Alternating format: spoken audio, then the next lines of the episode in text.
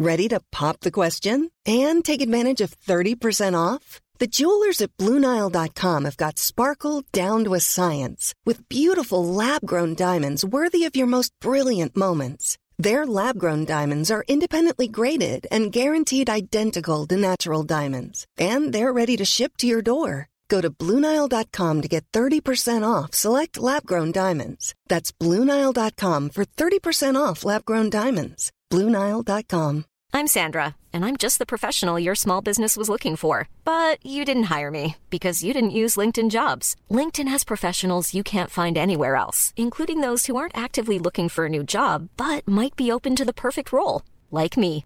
In a given month, over 70% of LinkedIn users don't visit other leading job sites. So if you're not looking on LinkedIn, you'll miss out on great candidates like Sandra. Start hiring professionals like a professional. Post your free job on linkedin.com/spoken slash spoken today.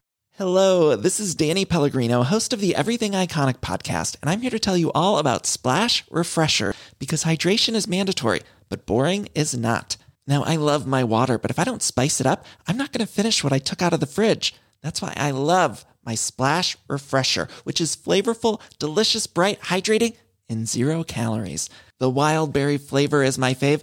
No, wait, is the pineapple mango flavor my fave? You know what?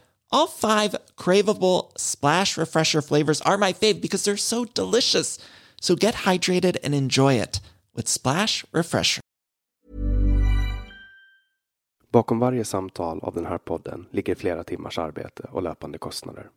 Podden kommer alltid att vara gratis för alla, men för den som vill finns möjligheten att donera pengar. Genom Patreon kan du på månadsbasis donera det du tycker att vi är värda. Du hittar vår sida på patreon.com samtal. För dig som kan och vill så går det även bra att swisha en donation på nummer 070-3522 472. Länkar och information hittar du på vår hemsida eller i poddens beskrivning.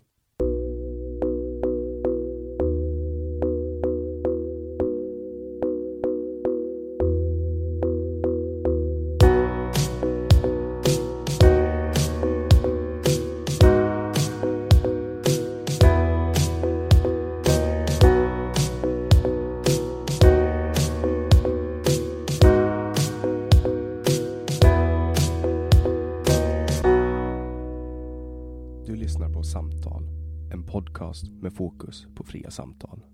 Jag heter Jannik Svensson och producent för podden är Didrik Svan. Idén är att fokusera på fria samtal. Det här är ingen debatt eller någon form av duell där det finns en vinnare och en förlorare. Det här är ett samtal där vi lägger fördomar åt sidan och där målet är att minska polariseringen. Vi tror att öppenhet är grunden för det demokratiska samtalet och vi vill uppmuntra dig som lyssnar att välja att exponera dig för samtal med någon du inte håller med om, hur triggad du än blir. Vår podd består av långa samtal. Vi vill ha långa samtal eftersom vi då får chansen att verkligen gå in på djupet. Den här podden presenteras av Webax, hemsidor och innehåll. Mer om Webax kan du läsa på www.webb.ax, webb med två b. Jag heter Jannik Svensson och du lyssnar på podcasten Samtal.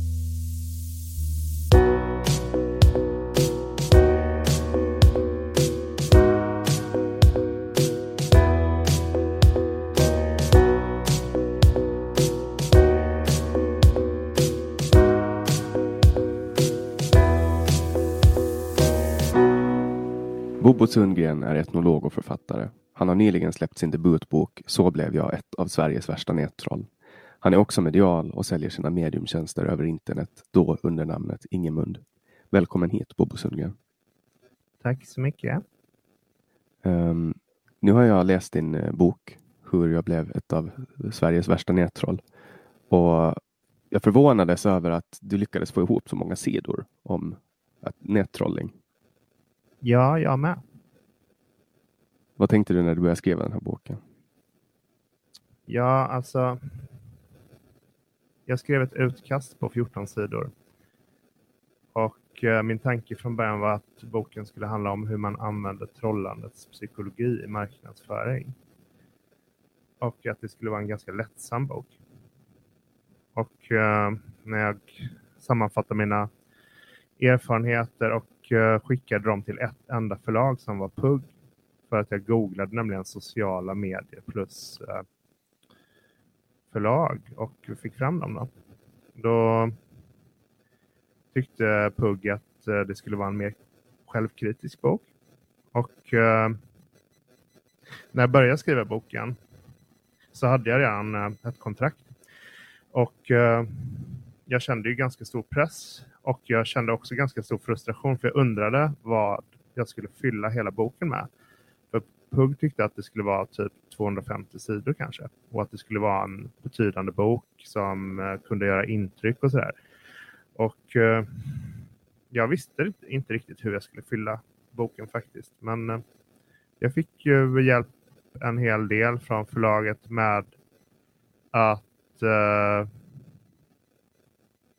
ja, kanske inte så mycket hitta infallsvinklar utan mer fördjupa mig, alltså en pepp att uh, skriva mer om vissa grejer och gräva djupare och sådär. Vad, vad är det som, som gör att du är ett av Sveriges värsta nättroll? Ja, det är väl frekvensen och uh, även graden av aktiviteter skulle jag vilja säga. Jag har ju gjort väldigt mycket grejer och uh, det har ju varit ganska komplicerade grejer också och jag har haft ganska stor påverkan eller jag har utövat en stor påverkan. Och, och, den här boken är ju ganska självransakande kan man säga. Alltså du erkänner att det är ja, men erkänner att det är lite av ett missbruk, trollandet. Ja, alltså förlaget ville ju att det skulle vara något slags eh, biktbok och att jag skulle rannsaka mig själv.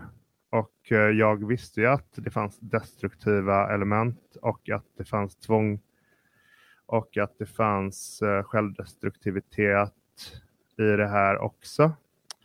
Eh, men jag tycker att det är så lite grann med självrannsakan att ju mer man ägnar sig åt det desto mer förvirrad blir man. Så att eh, jag hoppas att jag nådde någon form i boken där det ändå är ganska begripligt utan att bli för snurrigt. Liksom. Mm. Vad, vilken slags, kan du förklara för, för lyssnarna, vad var det för slags form av trolling du höll på med? För det var ju inte ryska påverkansoperationer. Utan det var ju en annan form av, av trolling som, mm. som kanske du kan definiera lite bättre än, än mig. Ja, när jag började med det så visste jag ju inte att det fanns något som hette trollande. Och varför jag började med det, det var för att jag hade en period 2006 där jag satt och debatterade migrationspolitik mycket i ett forum på internet som hette Liberal debatt och eh, jag märkte att mina åsikter stötte på väldigt mycket hat från alla olika håll. Vad var dina åsikter då? Mina åsikter var inte så annorlunda från uh, mainstream bland konservativa uh, i dagsläget. Och förresten så tycker jag att det verkar bli mainstream överlag. Det som jag tyckte då och det som jag fortfarande tycker. Att jag tycker inte det är bra för ett samhälle helt enkelt. Att det bildas kulturella enklaver, alltså det som kallas för eh, parallella världar, utanförskapsområden och sådär. Och uh, jag tror att de flesta är överens om det. Och jag anser att uh, allt snack om mångkultur har varit ett sätt att mörklägga integrationens gigantiska misslyckande. Var det här 2006, var det här under tiden när du studerade etnologi eller? Nej, jag hade redan tagit min examen då.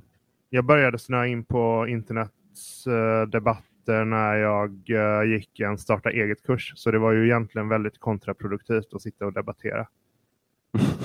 ja, det låter ju så. Så med et etnologi, kan du definiera eh, kunskaps, kunskapen i etnologi? Vad är det för någonting? Ja, man ägnar sig åt att eh, dokumentera och analysera folkets kultur. Och eh, det är alltså allting som eh, bär mening. Det kan ju vara hur man uttrycker sig och vad man har för vanor och seder och vad man har för identitet och eh, allt möjligt helt enkelt. Och det som är populärt nu är ju diskursanalyser, att man analyserar det som uh, man uttrycker i ord och skrift, och uh, alltså i tal och skrift och kanske även i uh, markörer genom kroppsspråk och kläder och annat och vad det säger om värderingar, traditioner, identitet. Så... Och makt såklart är ju väldigt populärt att analysera. På vilket sätt använder man etnologi i, i samhället så att säga? Jo, det är väl eh, framförallt eh, i forskning, men eh, kanske även som stöd för utställningar och eh, även projekt där man bevarar folkminnen och sådär. Så det är ändå någonting som man använder i liksom samhällsbygget inom det offentliga? Um, alltså ett analysperspektiv eller Ja, uttrycka? fast jag tror att man gör det mer i USA till exempel, där man även eh, kan ha det till grund för uh, att förstå marknaden, att förstå hur man ska marknadsföra någonting och sånt där. Och det var ju det som jag mer och mer blev intresserad av i och med att jag jobbade som säljare och uh, alltid har varit intresserad av påverkan och uh, jag uh, blev ju väldigt intresserad också av de diskursiva spänningarna så att säga. När jag hade vissa åsikter och mötte väldigt mycket hat, hån, sarkasm, uh, ogillande och sådär för mina åsikter så blev jag liksom intresserad av hur kan jag utmana det här ännu mer? Och det var lite inspirerat av min utbildning till etnolog för att på etnologen så fanns det lärare som snackade om att uh, det var positivt att skapa förvirring eftersom ju mer förvirring det fanns, desto mindre fördomar fanns det. Och ju mindre fördomar det fanns, desto mindre förtryck fanns det. Så jag var lite inspirerad av det. Men sen var jag också en retsticka sedan barndomen och jag var dessutom uh, alltid på det sättet att jag ville vända och vrida på grejer, peta där det gör ont, uh, alltså rent intellektuellt då, undersöka varför saker måste vara på ett visst sätt, varför man tycker att Eh, vissa saker är självklara och varför man inte får kritisera vissa saker och sådär.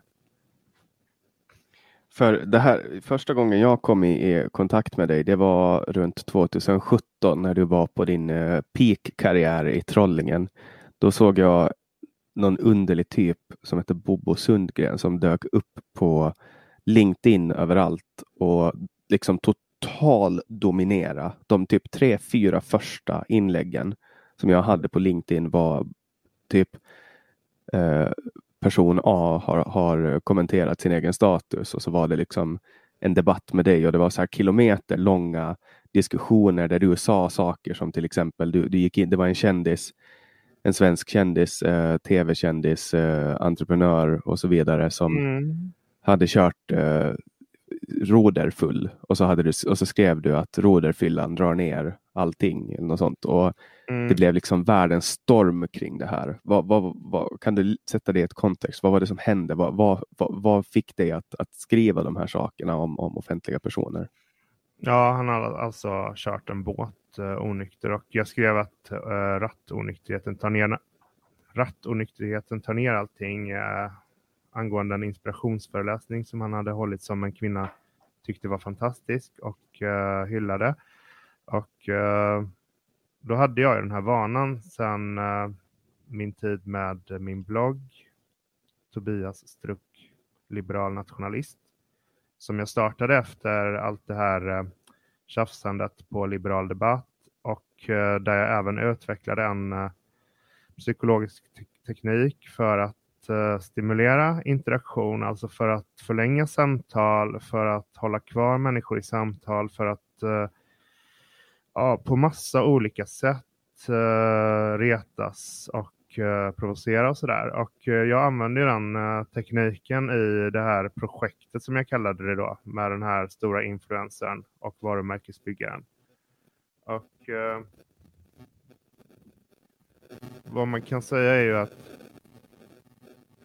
han blev eh, väldigt arg över det där, att jag eh, sänkte hans inspirationsföreläsande som han precis hade börjat med.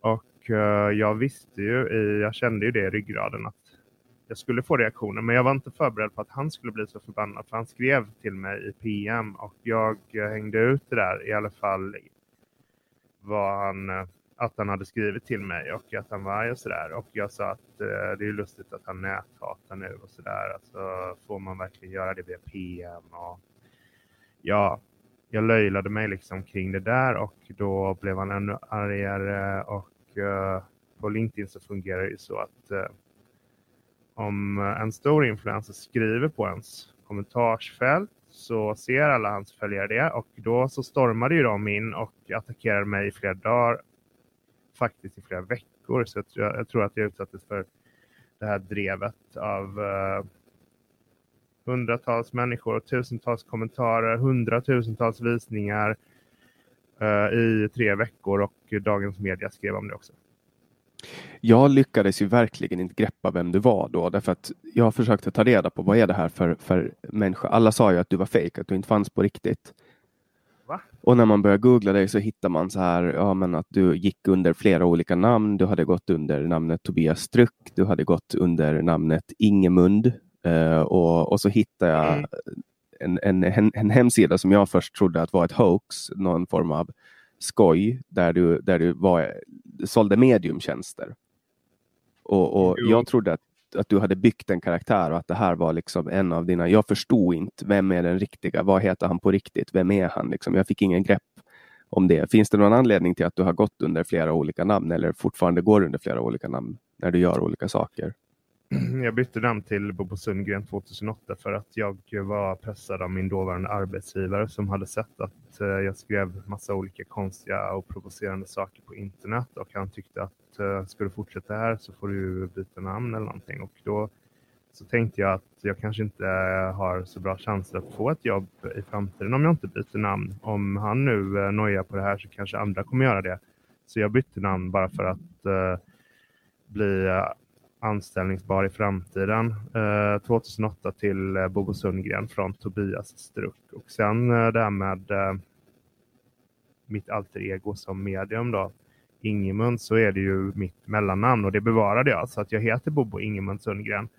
Så det är inte så mycket fuffen som det verkar och eh, vad det gäller mina mediumtjänster så står jag ju för dem 100% och anser att jag håller en väldigt bra kvalitet och det anser mina klienter också. Så att där är det liksom inte fråga om något trollande. Då. Det är väldigt lätt att få den känslan att det är en att, att, alltså att det handlar om trolling. Speciellt i kontexten. Om du förstår vad jag menar. Man, man, man hittar det som ja, ett nättroll. Men det tror jag beror på att uh, du kanske inte känner mig så väl jag tror att människor som känner mig också är rätt förvirrade i och för sig, men om jag ska säga precis hur min personlighet är så är det ju väldigt mycket att jag eh, Dels så har jag ju haft psykologiska försvar som har gjort att jag eh, gömmer mig bakom masker.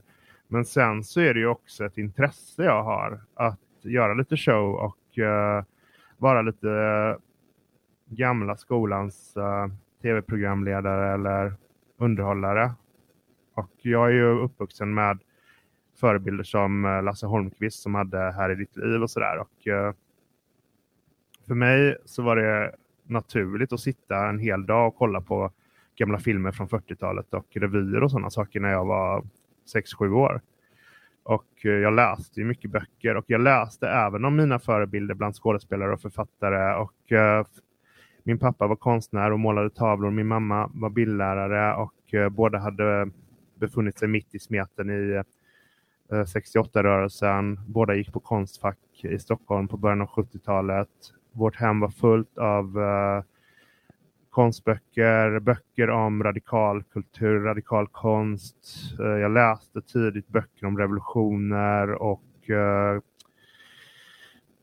kulturella stilar eh, och sådana där grejer. Och jag, för mig i min uppväxt, jag gick även på Waldorfskola i 12 år och inom antroposofin så hyllar man också det excentriska geniet och avantgarde-konst och sånt där. Liksom. Så att för mig var det, för mig är det, är det vad som är det fina liksom. Att uh, mm. göra performance art och uh, vara lite speciell och sådär.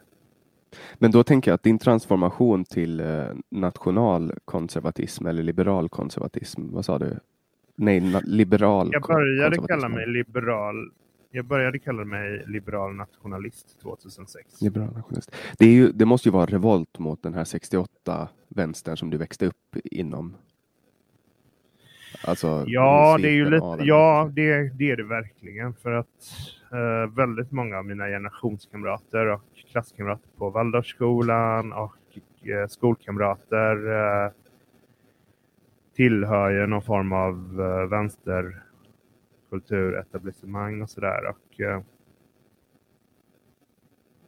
vad ska man säga? Egentligen så var ju inte Rudolf Steiner så vänster, han som grundade hela antroposofin.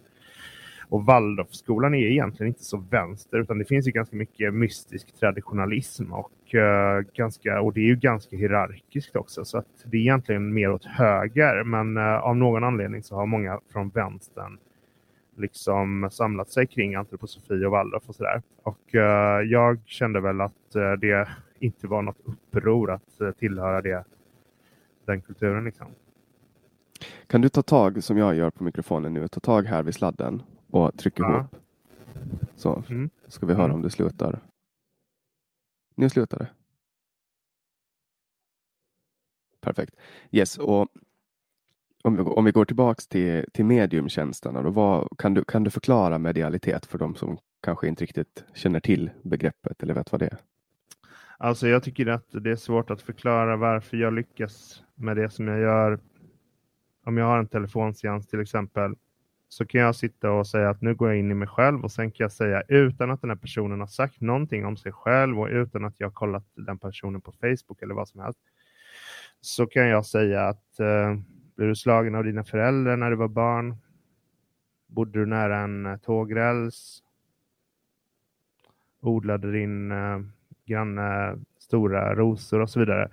Jag kan säga saker även om eh, den här personens döda anhöriga och hur de dog och var de befinner sig eller var de befann sig när de dog och sådana saker. Och jag har ingen aning om hur det går till faktiskt. Jag brukar säga att jag får den här informationen från eh, min så kallade privata ion. Alltså, jag har liksom en egen kosmologi som är inspirerad av gnosticism. Och eh, jag brukar säga att jag får den här informationen från min högre vägledare, alltså mitt högre andliga jag, min, min bättre version, mitt, eh, en, en högre ljusvarelse som följer var, varje människa genom livet. Sådana där saker säger jag, men det är ju liksom min intuitiva upplevelse, att jag får den här informationen från eh, från eh, någonstans liksom, som jag eh, beskriver på det sättet. Då. För etnologi, det är ju en, en vetenskap, eller hur? Ja, det är ju ett ämne på universitetet som har en tradition av att man forskar i folkets kultur, dokumenterar kulturarvet och analyserar det och sådär. Och det är ju klart att det finns ju metoder som man kallar vetenskapliga då. Ja. Och då utgår jag från att du är en, en anhängare av den vetenskapliga metoden. Alltså jag har alltid betraktat mig mer som konstnär. Alltså jag, jag tänker mer eh, eh, på det jag gör som ett verk. Liksom. För man har ju gjort, man har gjort vetenskapliga undersökningar på, på medium som får sitta i ett rum och gissa kort som någon håller upp i ett annat rum. Och där har man visat att det är ungefär lika stor sannolikhet att, att det visar rätt um, som för en som sitter och gissar. Mhm. Att man, man menar att man på vetenskapligt sätt har motbevisa att, att medialitet, liksom, det finns inte. Medialitet existerar inte. Hur, hur ser du på, på den saken? Alltså jag har ju bara min egen erfarenhet eh, att utgå ifrån för jag har inte detaljstuderat det där och jag är mycket förvånad över vad jag kan få fram om människor utan att känna dem. Och sen om de är nöjda och vill betala för det och jag inte exakt kan förklara hur det går till, då känner jag mig ändå nöjd eftersom det är en fri marknad och en tjänst som tillgodoser människors behov utan att jag Mm. har några bedrägliga syften eller gör något som är olagligt. Liksom.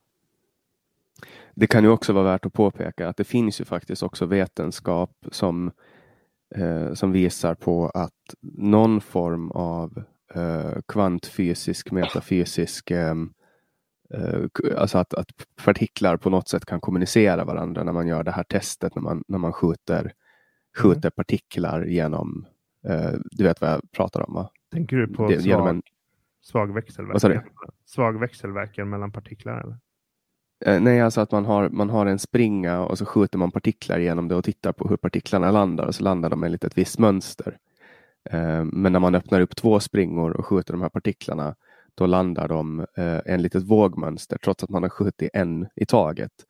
Eh, och så fort man vill undersöka och, och, få reda på varför partiklarna blir så, då ändrar mönstret sig. Då, då blir det ett annat mönster. Och, och enda skillnaden är att man försöker mm. titta på partiklarna. Och att, det är att de på något sätt vet om det här. Och det här är ju ingen, ingen som kan förklara varför det blir på det, det här sättet. Superfascinerande.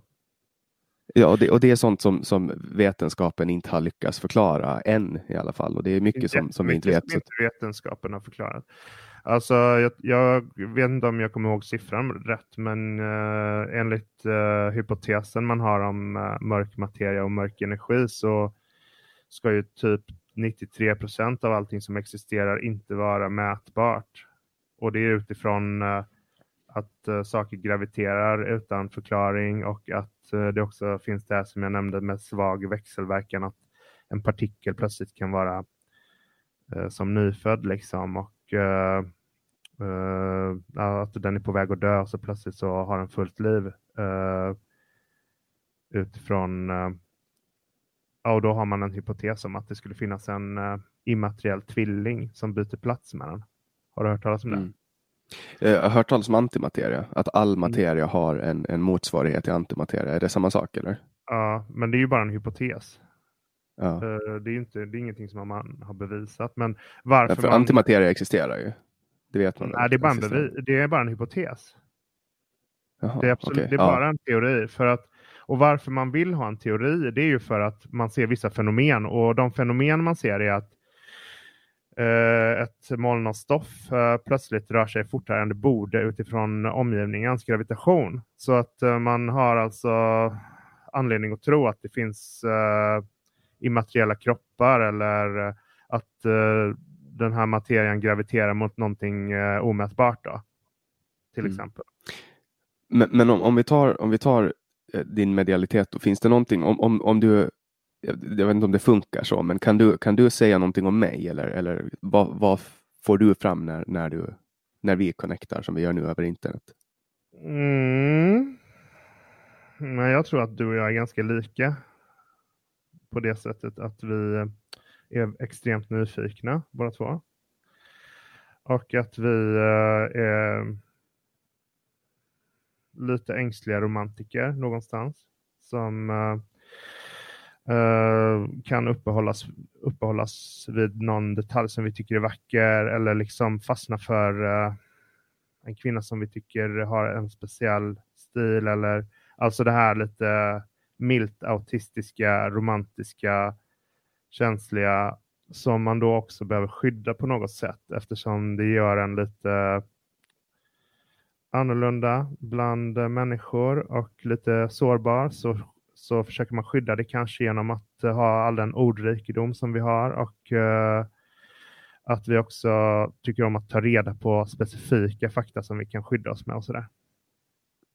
Mm. Ja, det stämmer, det stämmer ju rätt bra in på mig, men, men jag menar, det är ju en analys som vem som helst egentligen kan göra, tänker jag. Det är bara att kolla på de sakerna man, mm. man känner igen i sig själv. Men, men om vi tar någon, någon, någon död människa som, som jag har känt. Jag, bara, jag vill bara invända lite grann för att det är inte riktigt så jag gör. Att jag liksom lägger ihop saker jag vet, utan det är snarare så att jag uh, uh, tar saker jag vet och sen så försjunker jag i, i det så att mm. jag liksom kommer vidare i bildspel inom mig. Och uh, man kan väl antagligen kalla det fantasi, men man kan också kalla det intuition.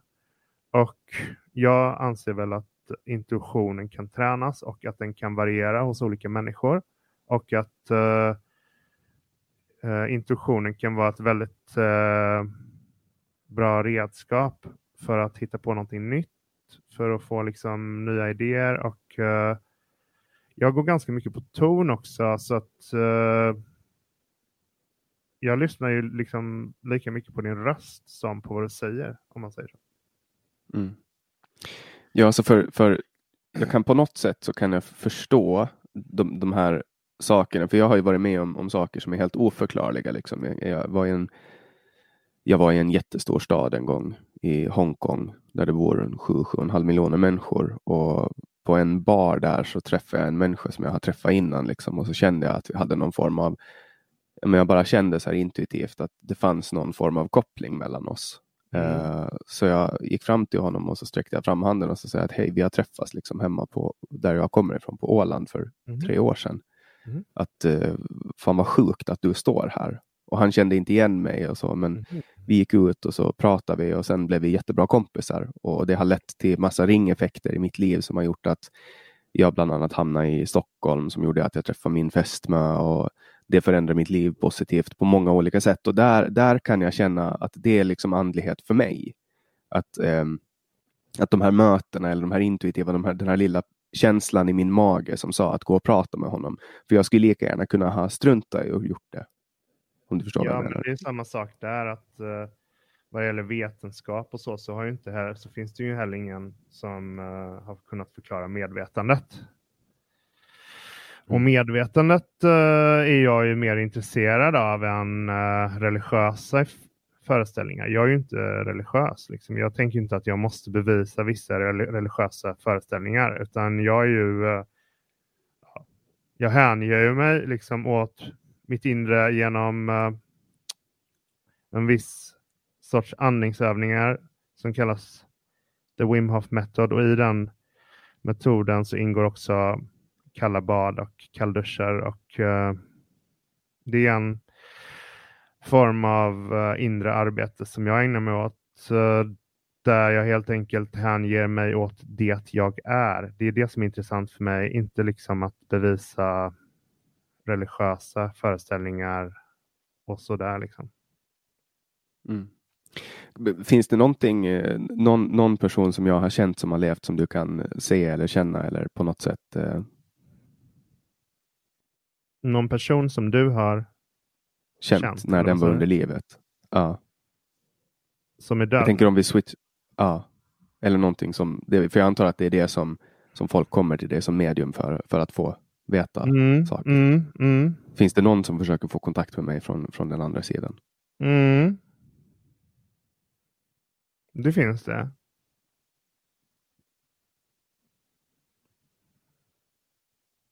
Och vad jag ser så kan det vara någon som har varit lärare eller i alla fall haft som del av sitt liv att uh, undervisat och uh, en ganska nervös, smal man som uh, jag tolkar honom som nervös, men han är nog mer ivrig och uh, han verkar vara ganska snabbtänkt, väldigt allmänbildad och kanske med någon kort stubbad mustasch och uh, eller liknande.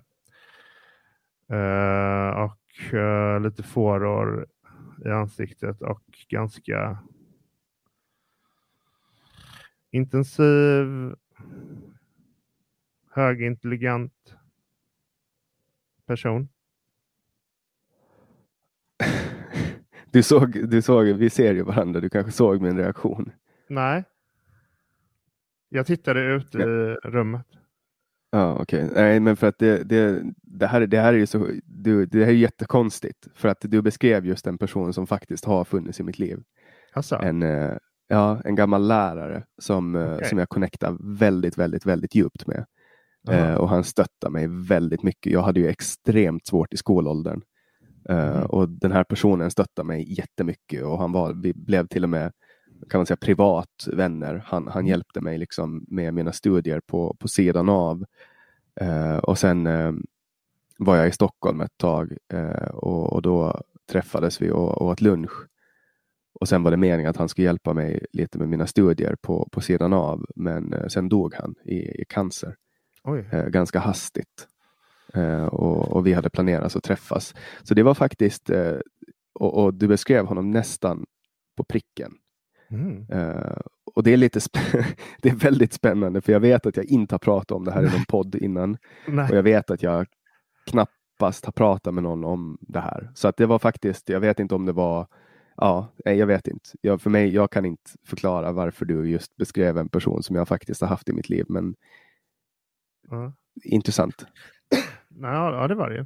Men det här händer ju mig varje gång jag har en telefonseans. Så för mig är det liksom ingenting nytt. Men det var ju... Om jag hade... Det, det kan ju vara så att om jag inte hade gjort andningsövningarna i morse så hade jag nog antagligen blivit lite för nervös för att eh, ens ta din utmaning. Ja, nej, men för det, det jag menar är att, att det finns liksom ett begränsat antal personer i mitt liv som har dött. Det är väldigt få. Jag har haft väldigt stor Aha. tur. Ja, Eh, och, och han är väl en av dem. Eh, och, och jag tänkte inte ens på honom när jag gick igenom så här, personer, när jag ställde frågan till dig. Eh, så tänkte jag inte, alltså jag, jag tänkte inte ens på honom. Så när jag hörde Nej. det första så tänkte jag att nu, nu kommer det bara en massa blaj. Men Mhm. du lyckades träffa någonting i alla fall och jag vet inte om det är slumpen eller vad, vad det handlar om. Men, men du beskrev honom nästan på pricken alltså. ja det var häftigt. Eh, och det, det tycker jag är väldigt spännande för att ehm, ja, jag vet inte hur jag ska förklara det. Men det är intressant. Eh, jag försöker ju vara så öppen jag bara kan för, för allting och, och det här är ju inte ett bevis för någonting, att någonting funkar, men, men jag fick en, en aha-upplevelse som jag väl kan tänka mig att människor vill betala för. Jag kan förstå att människor Ja, vill, vill de. betala för att få. Det vill de verkligen. Men eh, jag tycker också att det var fint av dig att eh, orientera dig mot det här. Det var, jag tycker det var bra att du orienterar dig mot det här för att jag tror att om man ska förstå mitt trollande och om man ska förstå min personlighet så handlar det ganska mycket om att jag är så här intuitiv som jag är. Och att det är ganska jobbigt för mig eftersom jag kan känna om människor döljer någonting ganska väl. Och eh, kan också få lite, i och med att jag har ganska bra koll på vad som kommer ske och sådär. Eh, om inte människor kommer närmare varandra, förlåter varandra, försonas och sådär. För att min eh, världsbild är ju att vi är här på jorden för att manifestera ljus och kärlek och att det är det som är livets mening och att materien i sig är en dålig skapelse som behöver ha den här transformationen av vårt andliga ljus och kärlek. Och eh, att vårt mål är att komma närmare varandra som andar och att skapa bättre enhet och samförstånd. Och eh, den Eh, den starka intuitionen som jag har gör mig ju ofta rädd då att uh, nu kommer det inte bli så. Nu kommer den här personen att vara oförsonlig. Nu kommer den här personen att vara sluten i sig själv och det har ju ofta gjort mig aggressiv i mitt liv. Och det har också lett till att jag har gjort de här avancerade manipulationerna som försvar. För jag utsattes ju uh, för övergrepp under min barndom av en två år äldre person då och eh, jag blev eh, plågad, misshandlad, eh, psykiskt torterad, utsatt för sexuella övergrepp och sådär under hela min uppväxt. Så att Hur, hur gammal var du då? När det började? ja, jag skulle vilja säga att det började redan när jag var tre, fyra år och att det, har, att det pågick ända upp i vuxen ålder. Och eh, eh, ja, i alla fall fram till att jag var, var 25, 26 sådär. Så att eh, jag har liksom eh, utvecklat ganska mycket psykologiska försvar och eh, kommer man nära mig och förstår vem jag är så förstår man att jag är väldigt kärleksfull och eh, att jag faktiskt kan vara det och samtidigt har gjort de här väldigt avancerade manipulationerna. Och jag skulle vilja säga också att jag är en farlig människa. Alltså jag skulle vilja säga att jag skulle vilja säga så att man inte ska underskatta mig. Men att eh, jag kan vara på det sättet och ändå vara kärleksfull. Liksom. För det låter ju lite som två olika ytterligheter. Alltså att det finns en ganska ondskefull person Alltså jag tänker, nu, nu delar jag in det här i gott och ont. Jag säger inte att du är ond, men, men det finns liksom en person som inte har goda intentioner, det vill säga den trollande delen. Och sen finns det en del som bara har goda intentioner och det är den andliga delen. Men finns det någonting där, eller är det en korrekt analys för det första och finns det någonting däremellan? Mm, jag skulle vilja säga att det finns en enda person, men att jag är en person då som har utsatts för så mycket psykisk och fysisk misshandel och även sabotage, manipulationer, konspirationer och så vidare. Att uh, jag har utvecklat goda förmågor att försvara mig helt enkelt. Och, och, det är det uh, som tar sig sin manifestation i att du gör saker som kan uppfattas som, som onda eller ondskefulla eller illasinnade. På den tiden som jag trollade, ja. Men nu gör jag inte det längre. Men jag skulle ändå För... vilja säga att jag skulle ändå vilja säga att eh, utan att överskatta mig själv så tror jag att det är rimligt att man inte ska underskatta mig. Liksom. För jag tycker ändå att det finns fortfarande saker. Du gick ju ut någon gång, var det kanske 2018, 2019. Vi har varit kompisar på Facebook och vi har gjort, jag skrev en artikel om det innan för kanske två, tre år sedan om, om uh, talk trigging, ett koncept som vi ska prata lite mer om senare. Men um, det jag reagerar på nu är att, alltså du gick ut och sa att, att nu har jag slutat med trollandet, men det jag reagerar på nu är att nu trollar du fast istället mot etablissemanget. Förut så trollade du, eh, eller inte etablissemanget, förut trollade du mot etablissemanget och alla PK-åsikter. Men nu trollar du eh, mot den andra sidan så att säga, den alt-right. Nej, det håller jag inte med om. För att eh, Trollande det är ju att dölja sig bakom, en mask och provocera för provocerandets skull. Och jag för bara fram mina autentiska perspektiv och jag gör inte det för att provocera utan jag gör det för att jag tycker att uh, mina perspektiv behöver yttras. Mm. För du skriver ju väldigt mycket saker på Facebook. Varje dag så kommer det olika påståenden och som jag uppfattar det så är det någon form av test. Du testar helt enkelt teser. Du testar, kommer det här jag säger nu, kommer, det, kommer folk att reagera på det? Ibland så får du ju fullträffar som till exempel här för någon, mm. någon vecka sedan när du skrev om Jimmy Åkessons eh, olika affärer med älskarinnor. Ja, jag gjorde och det, det, drog ju, ja, det drog ju hus i helvete. Folk blev ju helt tåkiga. Ja, vad, Men vad är det, det som... var liksom inte avsikten för att uh, jag uh, är gärna med och exponerar Jimmy Åkesson av den enkla anledningen att han är en viktig politiker. Han uh, är en stor makthavare. Han leder oppositionen skulle jag vilja säga, även om det inte är ett formellt faktum. Då. Så skulle jag vilja säga att han leder oppositionen och att uh, en person som leder oppositionen bör tåla granskning. Särskilt när det gäller sådana saker som handlar om vad man skulle kunna kalla för jäv. Alltså någonting som åsidosätter demokratins spelregler som han har uh, misstänkts för här. Och uh, då får han liksom tåla att granskas och uh, det ska göras på ett alltså, korrekt nepotism, sätt. Nepotism, typ då? Svågerpolitik? Ja, någon form av sexnepotism handlar det om. Att han då alltså... han ska ha gett fördelar till kvinnor som han även har haft som älskarinnor. Han ska ha så att, säga, så att säga gett någon gräddfil till dem. Om det är sant eller inte, det, det säger inte jag. Men det finns källor som är oberoende av varandra som säger det här och uh, då, finns, då uh, finns det tillräckligt goda grunder för att göra en offentlig granskning. Det är inom pressetikens ramar. Liksom.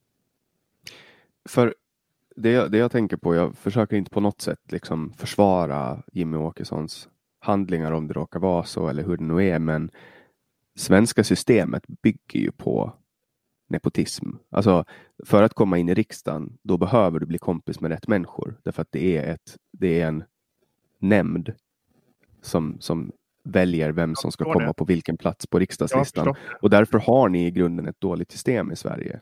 Och då är det ju inte så konstigt att människor börjar utnyttja det, för så gör säkert alla partier. Det där har jag faktiskt tänkt på. Jag har tänkt på det när jag eh, hjälpte en kille med en personvalskampanj lite grann. Så jag har tänkt på det att uh, det är just den här nämnden då, vad det nu kallas. Val, val, val, för, valkommittén eller valförberedningsnämnden? eller? Ja. Ja, precis. De som skapar listan helt enkelt. Ja. Som eh, ska finnas på röstkorten. Eller inte på röstkorten men på valsedlarna. Då. Eh, så att man ska kunna, för att man överhuvudtaget ska kunna bli kryssad då. eh, så behöver man väljas ut. Och då ska man liksom gå igenom ett nålsöga i den där nämnden då.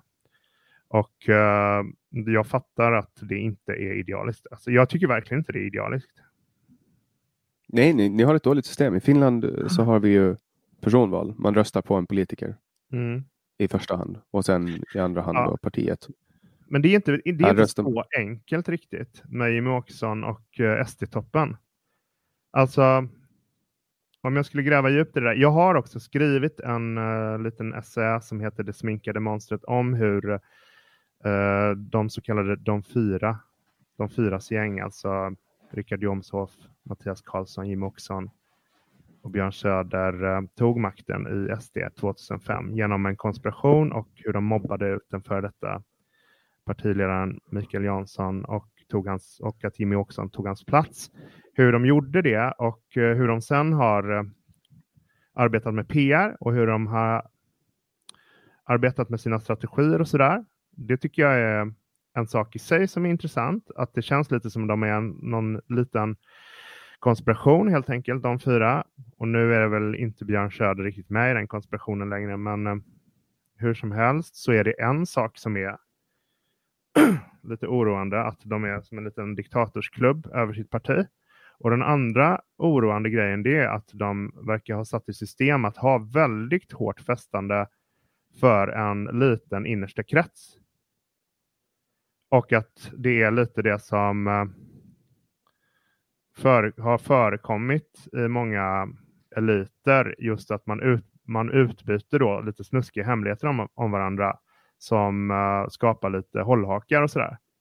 Så att man kan utpressa varandra och hålla kvar sig själv och andra i, under samma agenda eller samma uh, uh, överenskommelse och sådär. Så att det, SD sticker ut lite med det. Jag, jag förstår att många... Det finns en film, det finns en film från en Ålandsfärja eh, där Ja. de sitter och sjunger någon Ja. låt om någon sång om Olof Palme. Liksom.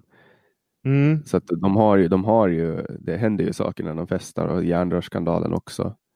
ja, jag har källor som säger att det även har förekommit droger i SD-toppens fester. Och, Det har nog eh, förekommit droger i alla partiers toppfester Jag- tror jag. Jag förstår att många säger att det här händer överallt i alla partier och sådär. Men det som jag ändå känner är lite grann så här. Att har man en fasad som handlar om det här kulturkonservativa värderingar, familjen, hålla ihop familjen. Alltså alla det, allt det som vi kallar konservativt. Med att man ska vara också ansvarsfull. Mm. Eh, ha goda vanor. Så som Margaret Thatcher snackar mycket om. Hon pratade om sin far som hade sagt att eh, det är så bra att ha goda vanor för annars så urartar även tänkandet och handlandet och allting. Och eh, det här är ju liksom klassiskt konservativt.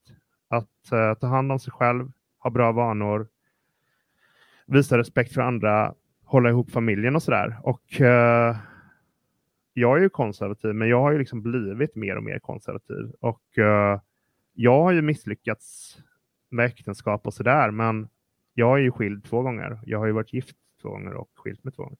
Men jag är ju liksom inte, jag leder ju inte oppositionen. Om, om, jag, om jag skulle leda oppositionen. Jag anser att jag skulle vara bättre skickad att leda oppositionen i dagens läge än vad Jimmie Åkesson är till exempel. Alltså, för jag lever väldigt sunt och jag står 100% för vad jag säger och jag är öppen och ärlig. Och det är så jag tycker en oppositionsledare ska vara helt enkelt.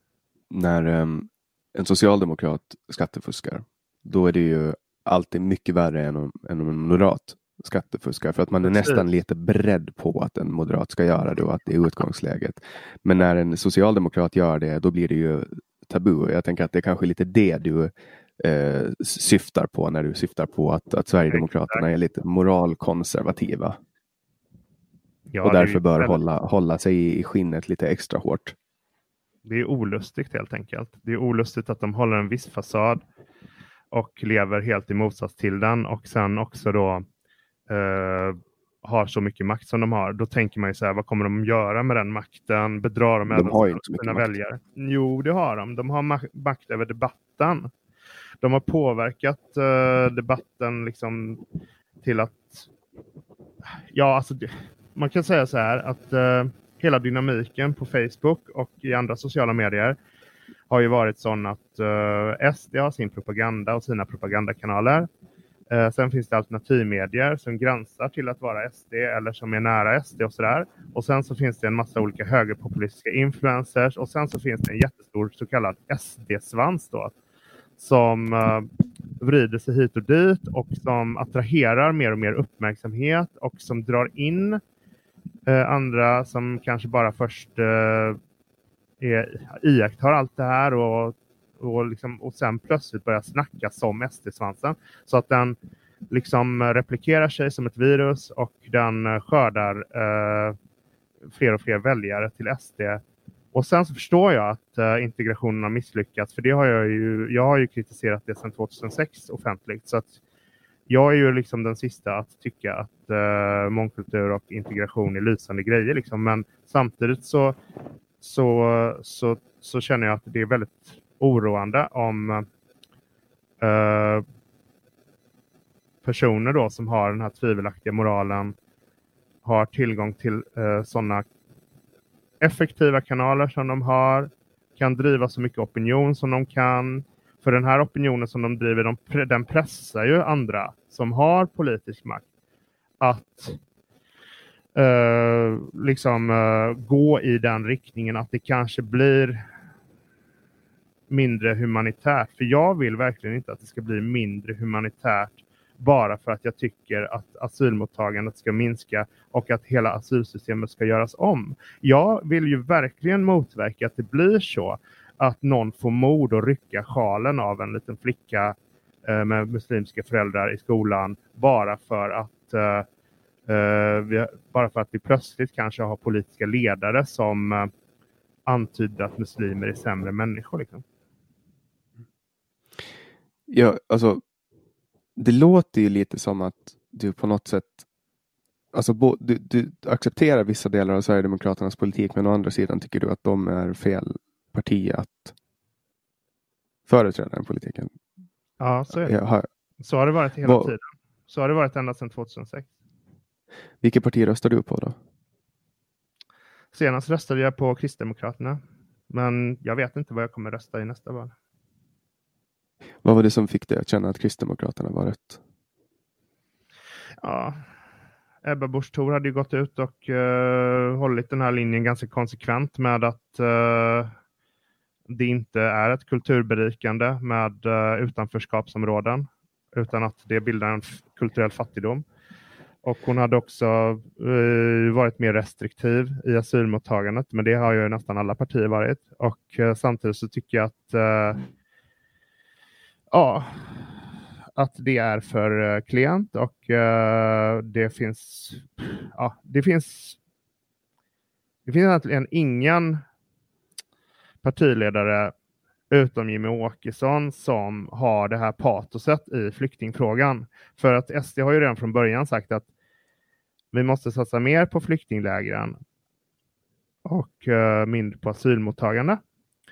Och istället så gör man ju fortfarande så att man omdirigerar biståndet till eh, asylmottagandet. Och det är totalt ologiskt för att precis som eh, migrationsminister Morgan Johansson har sagt så finns det 60 miljoner människor på flykt i världen. Och eh, han har sagt att de eh, riskerar ju att eh, förintas om, man in, om de inte får någon tillflyktsort. Och eh, jag vet inte om, jag, jag tror inte han, han, han använde ordet förintas, men att de eh, riskerar att dö om de inte får en eh, tillflyktsort. Och eh, jag eh, håller ju med om att det är hemskt och samtidigt så förstår jag inte hur någon människa kan tro att asylmottagandet är lösningen på 60 miljoner på flykt. Men, men alltså det, det som jag tänker att, att det, Jimmy Åkesson är ju inte det. Han får ju inte förtroende när folk, när han säger de här sakerna. Folk vill ju liksom mena att ja, men Jimmie Åkesson hatar invandrare. Uh, Jimmie Åkesson hatar araber och svarta. Det stämmer ju inte riktigt. Alltså han har ju ett tag var han var ju SD Sveriges största parti enligt oppositions eller enligt de här opinionsundersökningarna. Så att uh, de har ju ett stort stöd.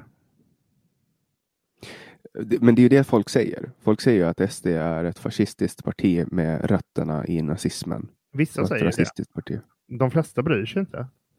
Alltså, jag, jag säger också det. Jag säger också att uh, SD har rötter i uh, nazism och fascism och att det finns spår kvar och att det är uh, att jag inte litar på dem. Så säger jag också. Men de flesta bryr sig inte. Men är det farligt då? Alltså att folk har slutat bry sig? Ja, det är, är det 1930-talet som håller på att upprepa sig på nytt? Nej, jag tänker inte falla i den fällan. För det drar ju bara löje. Det drar ju ett berättigat löje över sig.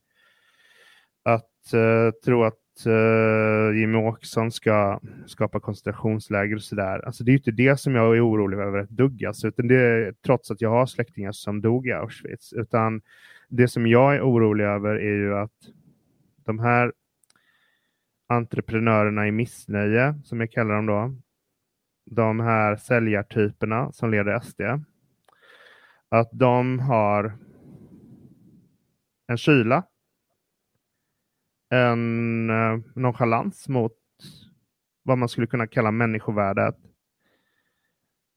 och att de har eh, starka maktambitioner och att vad det kan resultera i när de inte riktigt har rent mjöl i påsen är ju att eh, de tillåter mörka krafter att eh, levas ut eh, hos vanligt folk så att säga. Att det kanske blir mer och mer farligt i Sverige att vara muslim till exempel.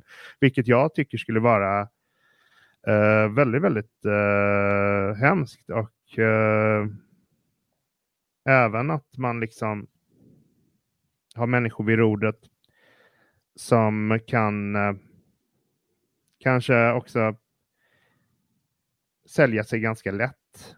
Det förstår jag att de flesta politiker högst uppe gör, men samtidigt så tror jag att eh, det är de här människorna som har integritet eh, som är så otroligt viktiga i den politiska toppen och att eh, har man inte den integriteten Eh, och har samtidigt en liten konspiration i toppen av ett parti som är Sveriges enda oppositionsparti, eller Sveriges eh, största oppositionsparti och eh, leder oppositionen och så vidare informellt, då kan det bli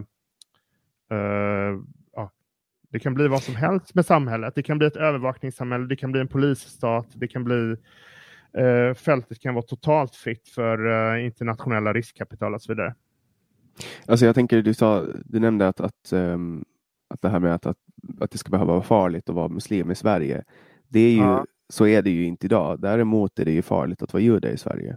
Det är, alltså, kolla på judiska församlingen i Malmö som har sjunkit till en tiondel än vad den var för bara några år sedan.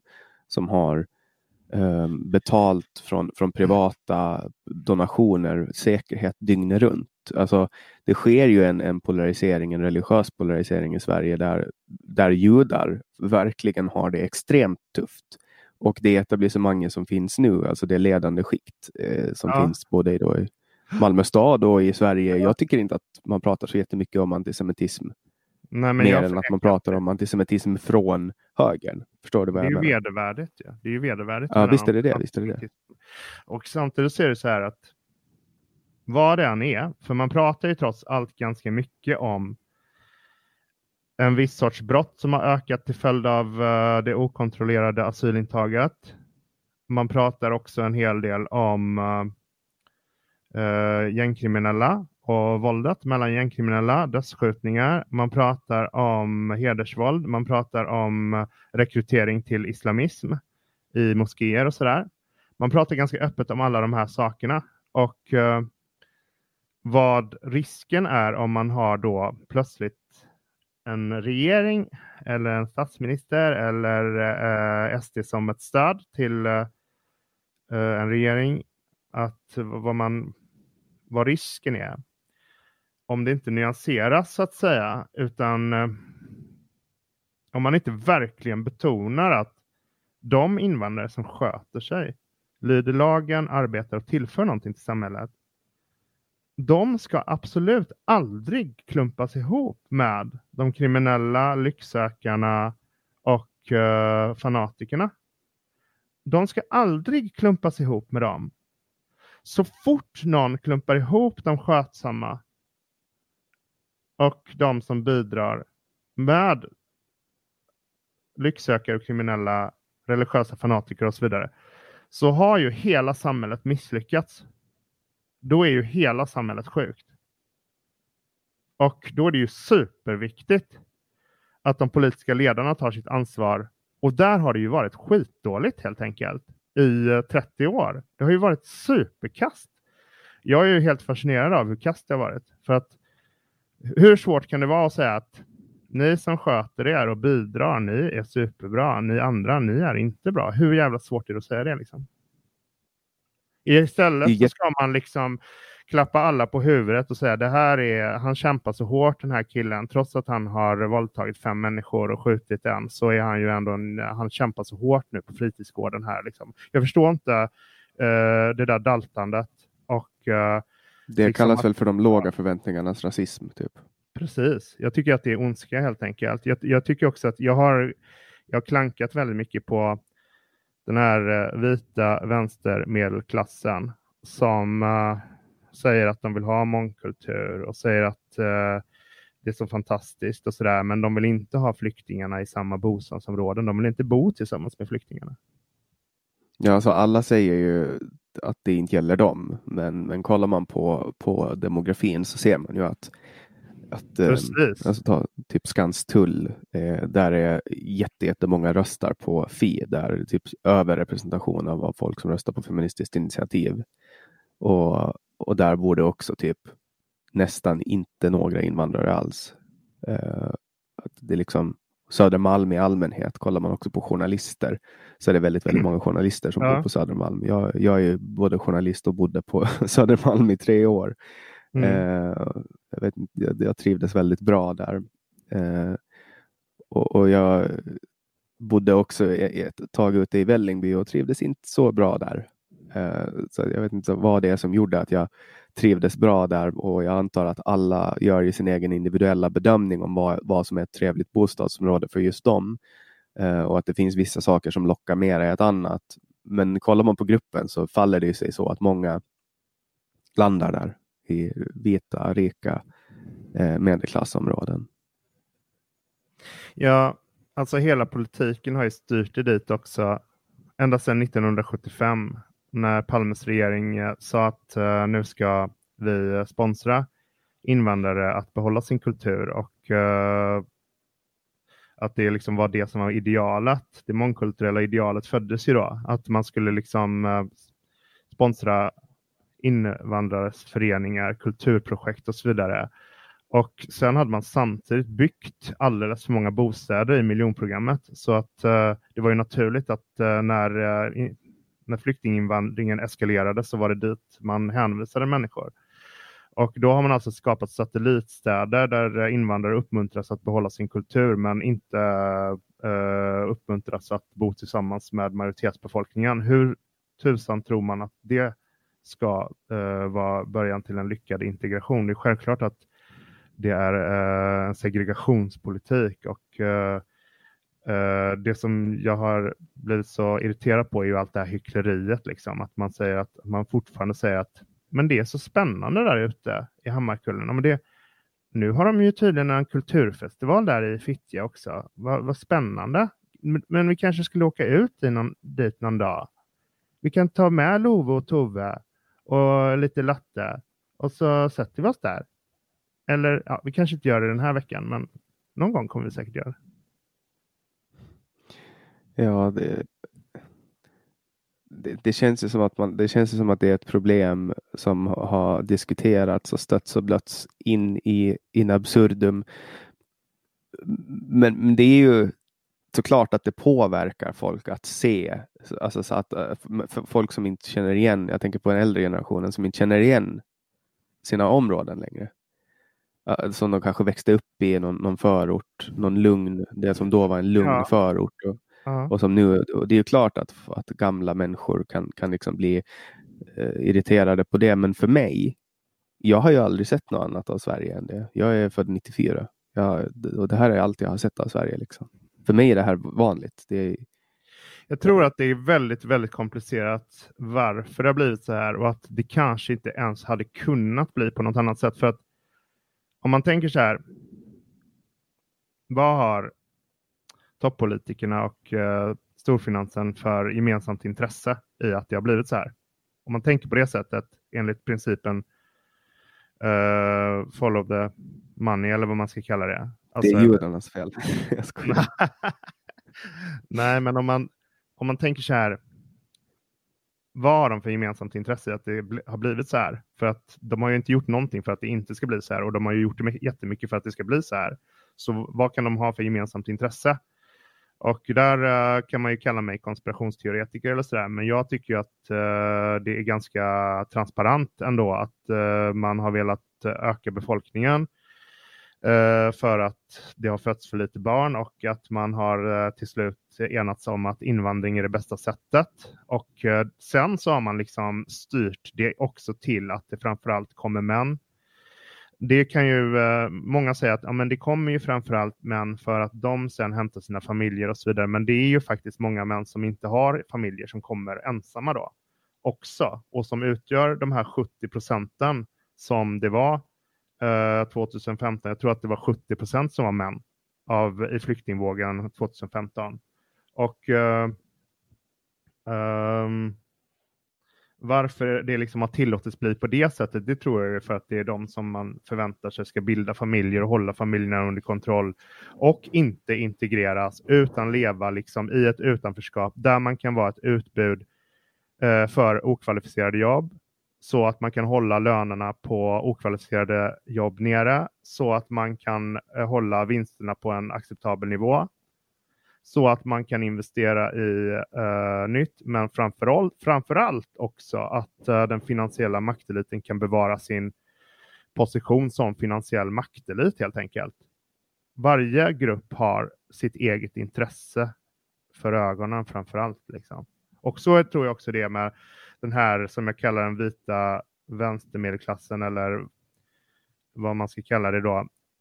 De har också sitt eget intresse i eh, första rummet och deras eget intresse det är liksom att inte ha för hård konkurrens nerifrån. Segregerar man underklassen cementerar man ju deras underläge. Då minskar flödet därifrån till universitet och till mer prestigefyllda jobb. Då kan För det ökar ju klyftorna. Ja, det ökar, det ökar klyftorna och då möter man det med att till slut säga så här, men hörni, är det så dåligt egentligen med övervakning här på Södermalm? Mm. Men hörni, det var väl ganska skönt att det var tre piketer här idag uh, utanför uteserveringen, eller hur hörni? För att uh, jag vill inte att Love och Tove ska bli kidnappade här på blanka eftermiddagen. Så att man går från, man går från någon form av flumvänster till fascism alltså. Om man, eh, om man alltså följer den här idén som jag har om att de här människorna, de bara tjänar sig själva. De tjänar sin egen kulturella grupp som alla. Jag känner också min egen kulturella grupp. Det är bara det att det råkar vara så att min kulturella grupp, det är en utsatt, smart, fattig med psykiskt sjuk pappa och totalt uh, uh, utelämnad åt uh, så kallade normala människor mitt i någon form av antroposofiskt kollektiv. Vad är det för kultur? eller vad är det för kulturell grupp? Alltså jag är väl antagligen helt förvirrad om min grupptillhörighet. Det är väl därför som jag säger sanningen. Ja, alltså du, du, det finns ju ingen grupp som Socialdemokraterna kan sälja till dig att du ingår i. Nej. Förutom kanske arbetare då. Um, Nej, det kan man inte. Jag har aldrig identifierat mig som det.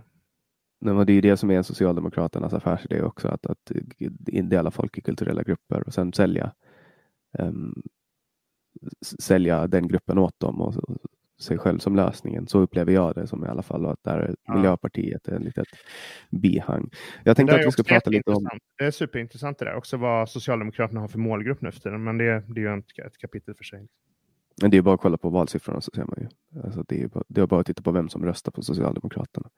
Så, så, så, så får man ganska lätt en, en överblick om, om, vem som... Ja, det är liksom inget uppbyggligt uh, i det helt enkelt. Det finns, alltså, om man ska säga så här att om man ska acceptera att varje kulturell grupp uh, känner sig själv framför allt.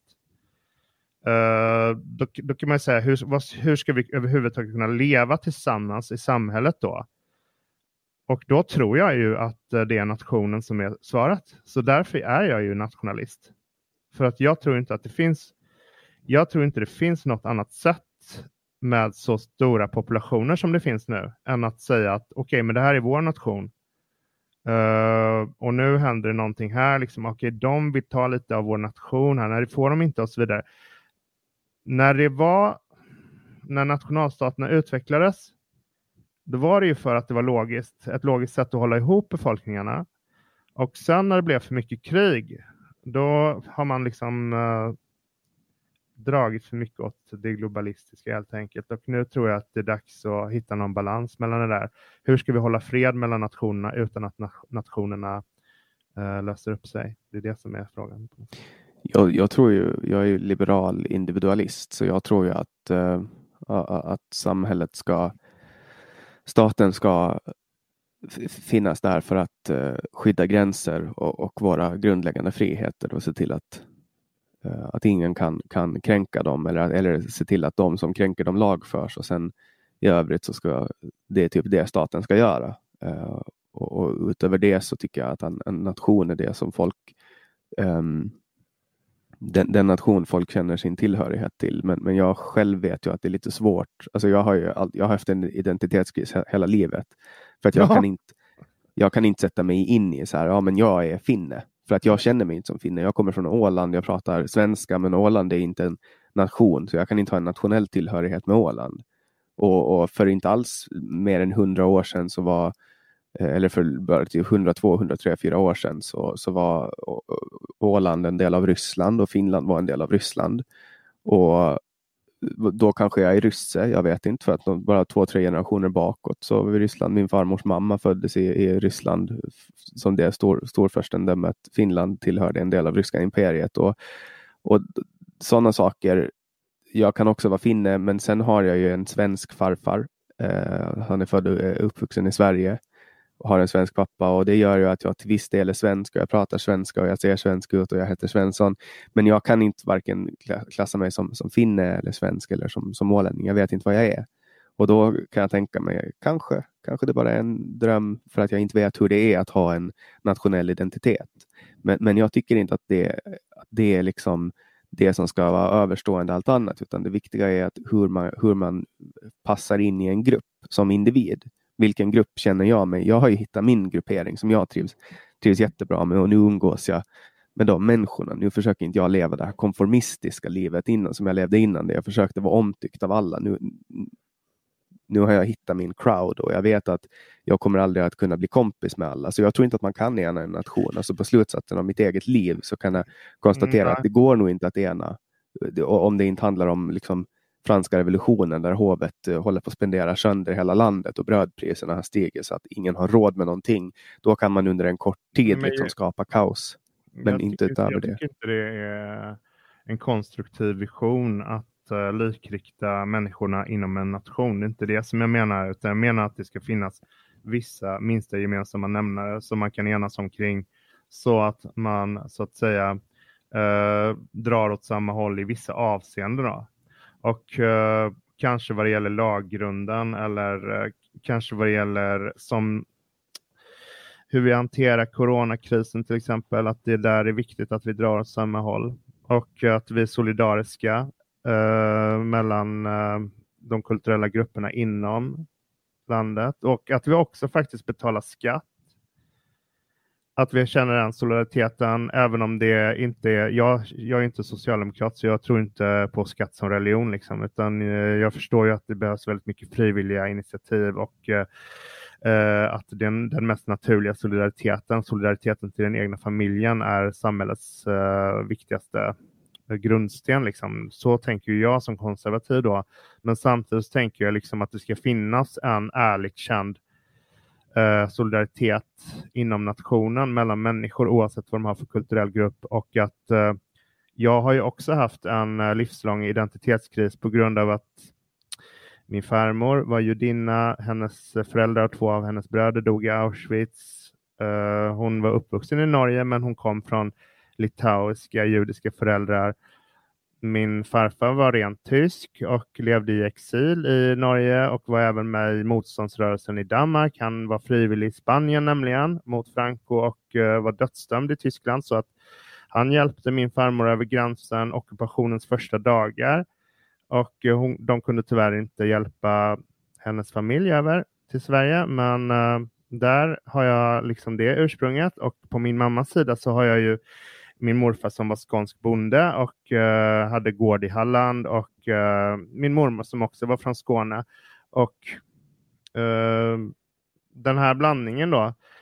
Jag har ju till och med beställt ett DNA-test. Jag vet ju liksom exakt vilken procent jag har från olika etniciteter och sådär. Men dels den blandningen och så den kulturella kontexten där jag växte upp. Att jag växte upp i ett hyreshus med bara svenska, etniskt svenska arbetare truckdrivers, Volvoarbetare och så vidare. Och själv eh, var vi då en konstnärsfamilj, eller själva var vi en konstnärsfamilj och jag gick i Waldorfskola och stack ut på det sättet.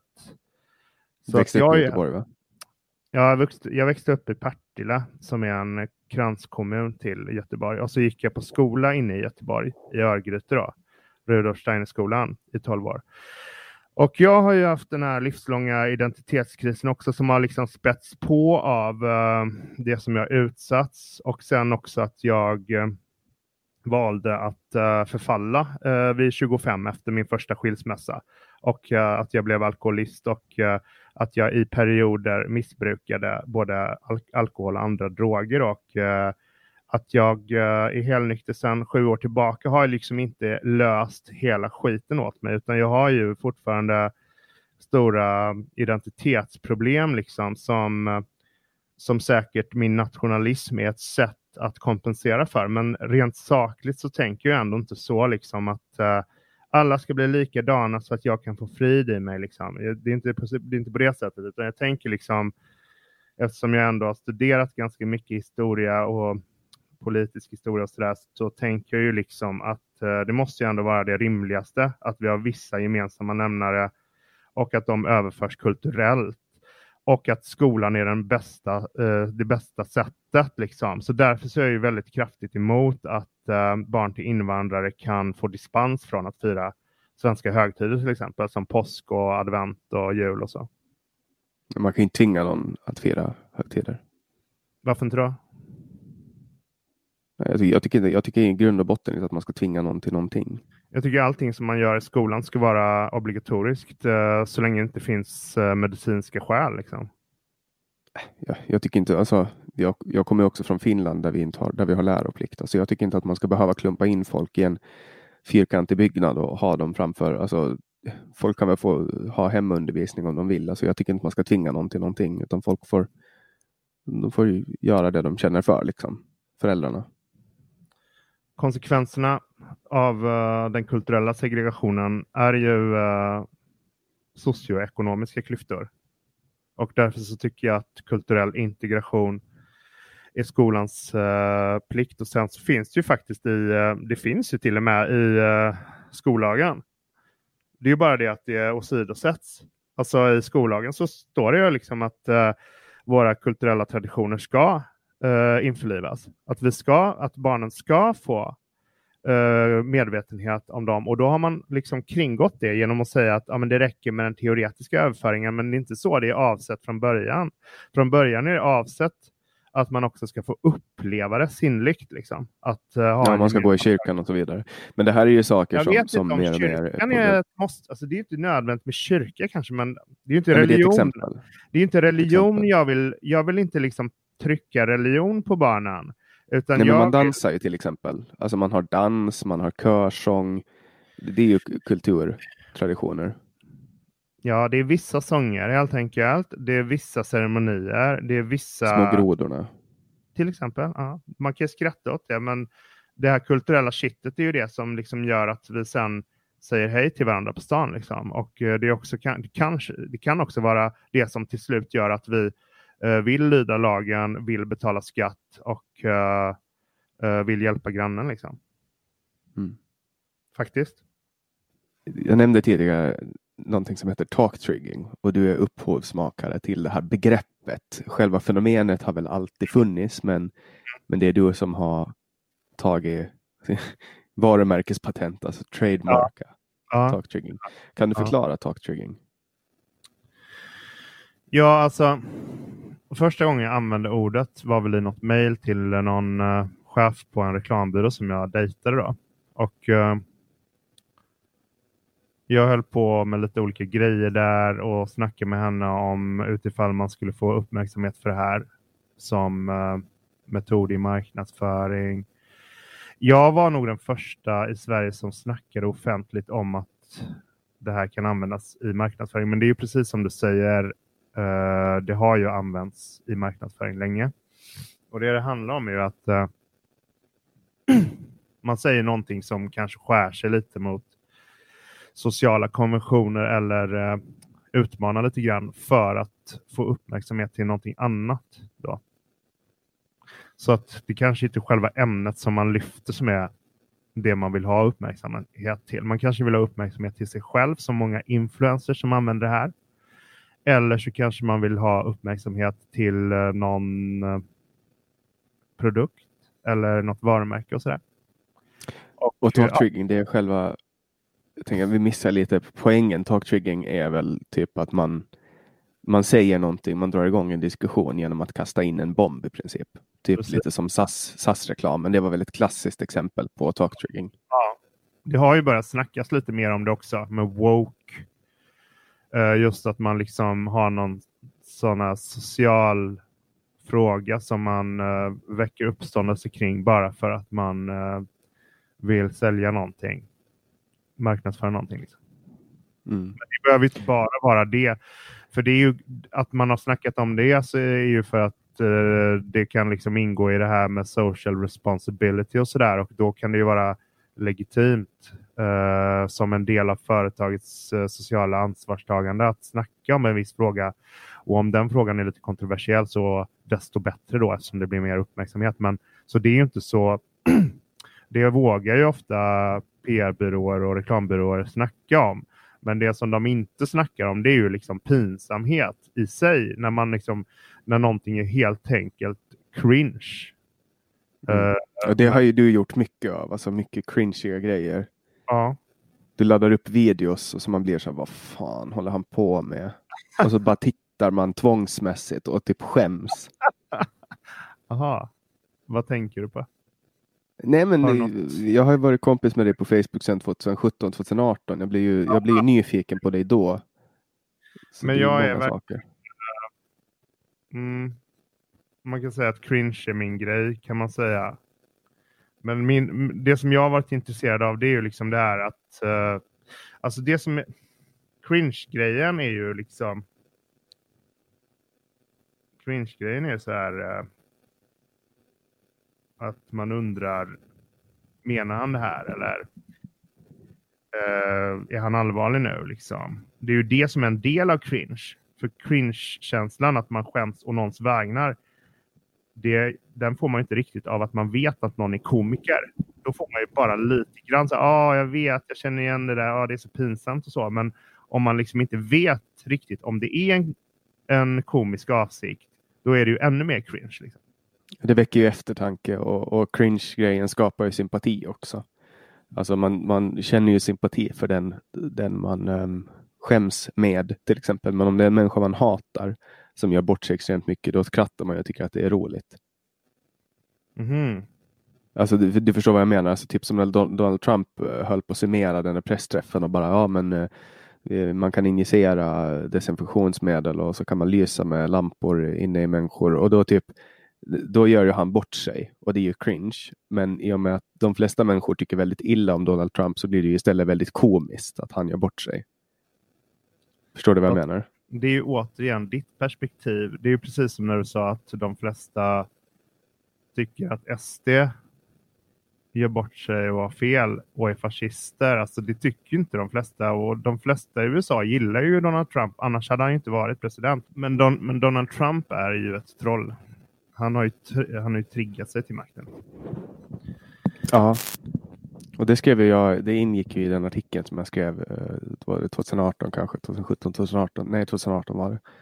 Eh, så jag skrev en artikel om talktrigging och, och där tog jag upp eh, Donald Trump som, som paradexempel på någon som verkligen får folk att snacka.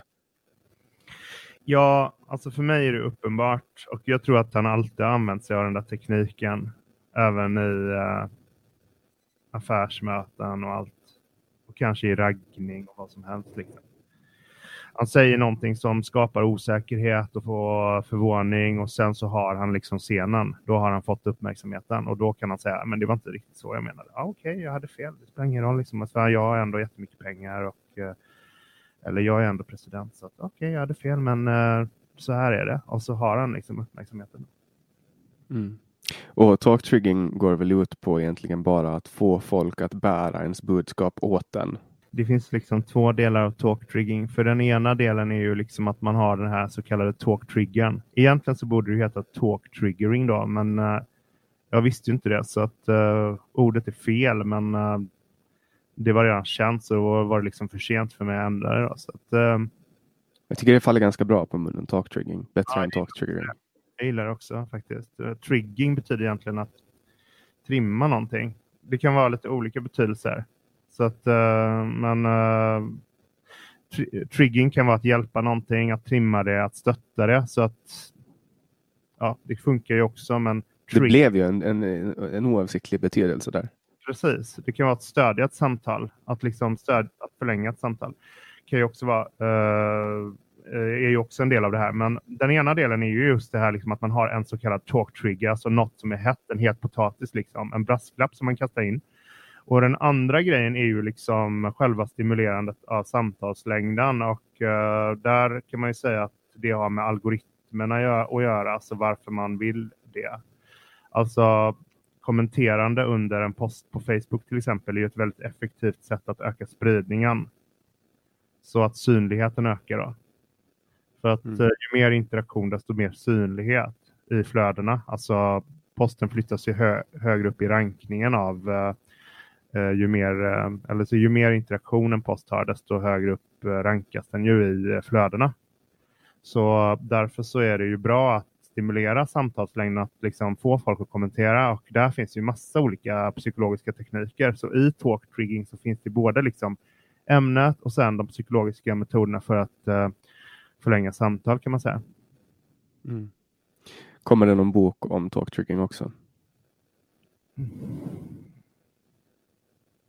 Nej, för jag har integrerat allting som jag vill säga om talk trigging i min bok. Det är ju bara det att eh, förlaget ville att den skulle ramas in mer som en eh, självkritisk biktbok. Liksom. Mm. Ja, alltså den, den, går ju igenom grundläggande begrepp i, alltså den här boken eh, funkar ju även för personer som inte är så invigda i den här kulturen med, med just nättrolleri och så vidare. Mm. Eh, I och med att den förklarar ganska pedagogiskt alla begrepp, eh, alla grundläggande begrepp och så. Ja. Eh, och, och, och dynamiken också. Exakt. Hur, hur var det att skriva en bok då första gången? Var det svårt?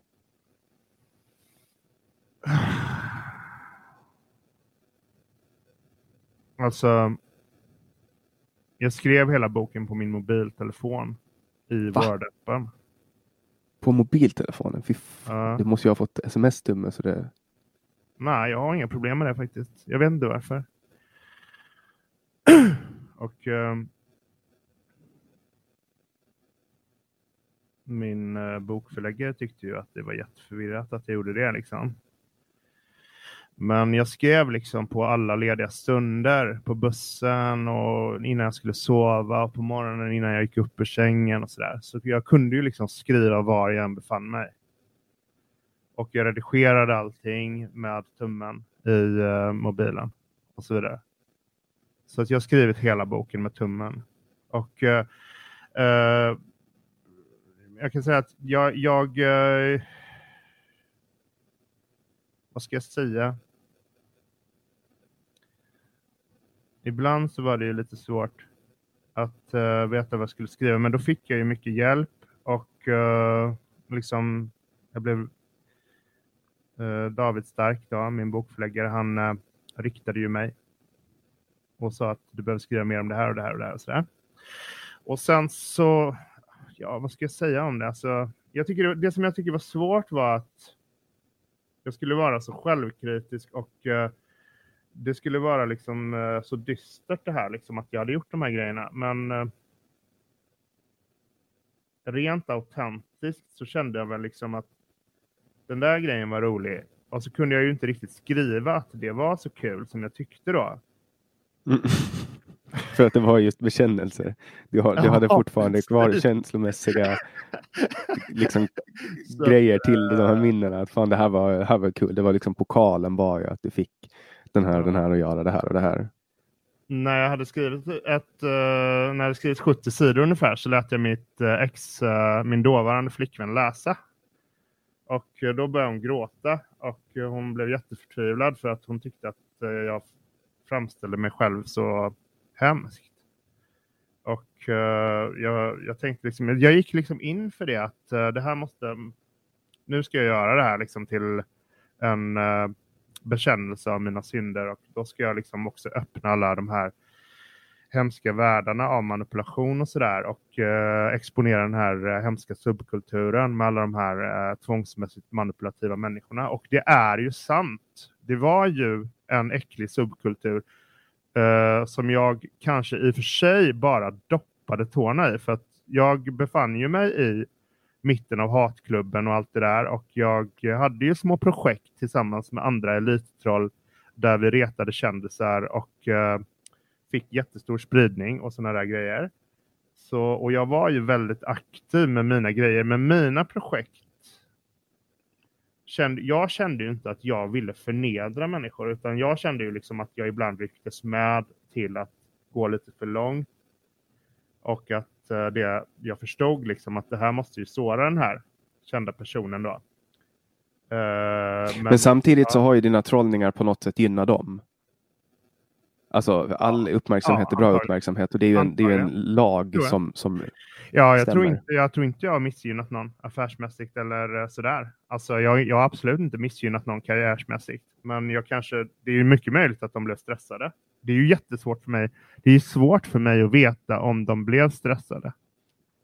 Mm. Men jag antar att de blev det och jag förstår om de blev det som jag själv blev väldigt stressad när jag själv utsattes för en eh, konspiration och ett avancerat trollande som gjorde att jag slutade trolla. Och Vad blev du utsatt för, kons för konspiration då? Ja, det var alltså IRM, alltså inte rasistmän, har många anhängare bland elittroll och de har en egen grupp som heter Dumma och i den gruppen så ogillade de mig starkt då för att jag hade exponerat vissa grejer om dem. I eh, till exempel Dagens Opinion hade jag fått en artikel publicerad om hur de här IRM-trollen hade kompisar bland alt-right som de drack öl tillsammans med och sådana där saker. Och jag tyckte att de var, eh, ja, att de var hycklare. Och jag exponerade det. Jag exponerar också grejer som eh, framträdande inom, alltså som en person som tillhörde Inte rasismen som var i mitten där, eh, som var kampanjansvarig i Inte rasismen, vad den personen hade gjort för olika medlöperier till eh, före detta nazister i hatklubben och tillåtit dem att eh, våldshota andra och sådana där saker när hon var administratör. Så att ehm, de var ju arga på mig och hon eh, den personen leder den här gruppen Dumma då, som är en trollgrupp på Facebook. Och de eh, lockade in mig på olika sätt med så kallade uh, ja, inom spionvärlden kallas det för honeypot, men det finns också som ett trollbegrepp så att det kan ju bli lite förvirrat om jag använder det. Men som trollbegrepp så handlar det om att man postar någonting som är som stryker uh, lite avvikande åsikter medhårs så att eh, de åsikternas anhängare ska lockas att debattera och säga lite för mycket i tråden. Då. Men en honeypot, en honeypot i eh, spionvärlden är en kvinna som förför män Uh, och där var det ju en då kvinna som kontaktade mig som liksom spelade offer och sa att de här är så elaka, de här som leder dumma och sådär, de har gjort det och det och sådär. Och uh, jag skulle ju liksom, jag kände mig liksom som en beskyddare då och på det sättet så lockade de in mig och uh, när jag väl var inne i det som jag trodde var dumma så sa en att det här är inte riktiga dumma, det är en shitpost-version. Men i den här så kallade shitpost-versionen hade de skrivit i sifferkod i ett par månader tillbaka. Och där fanns även mitt namn med plötsligt. Så här, bok, alltså Leetspeak då? Vad sa du?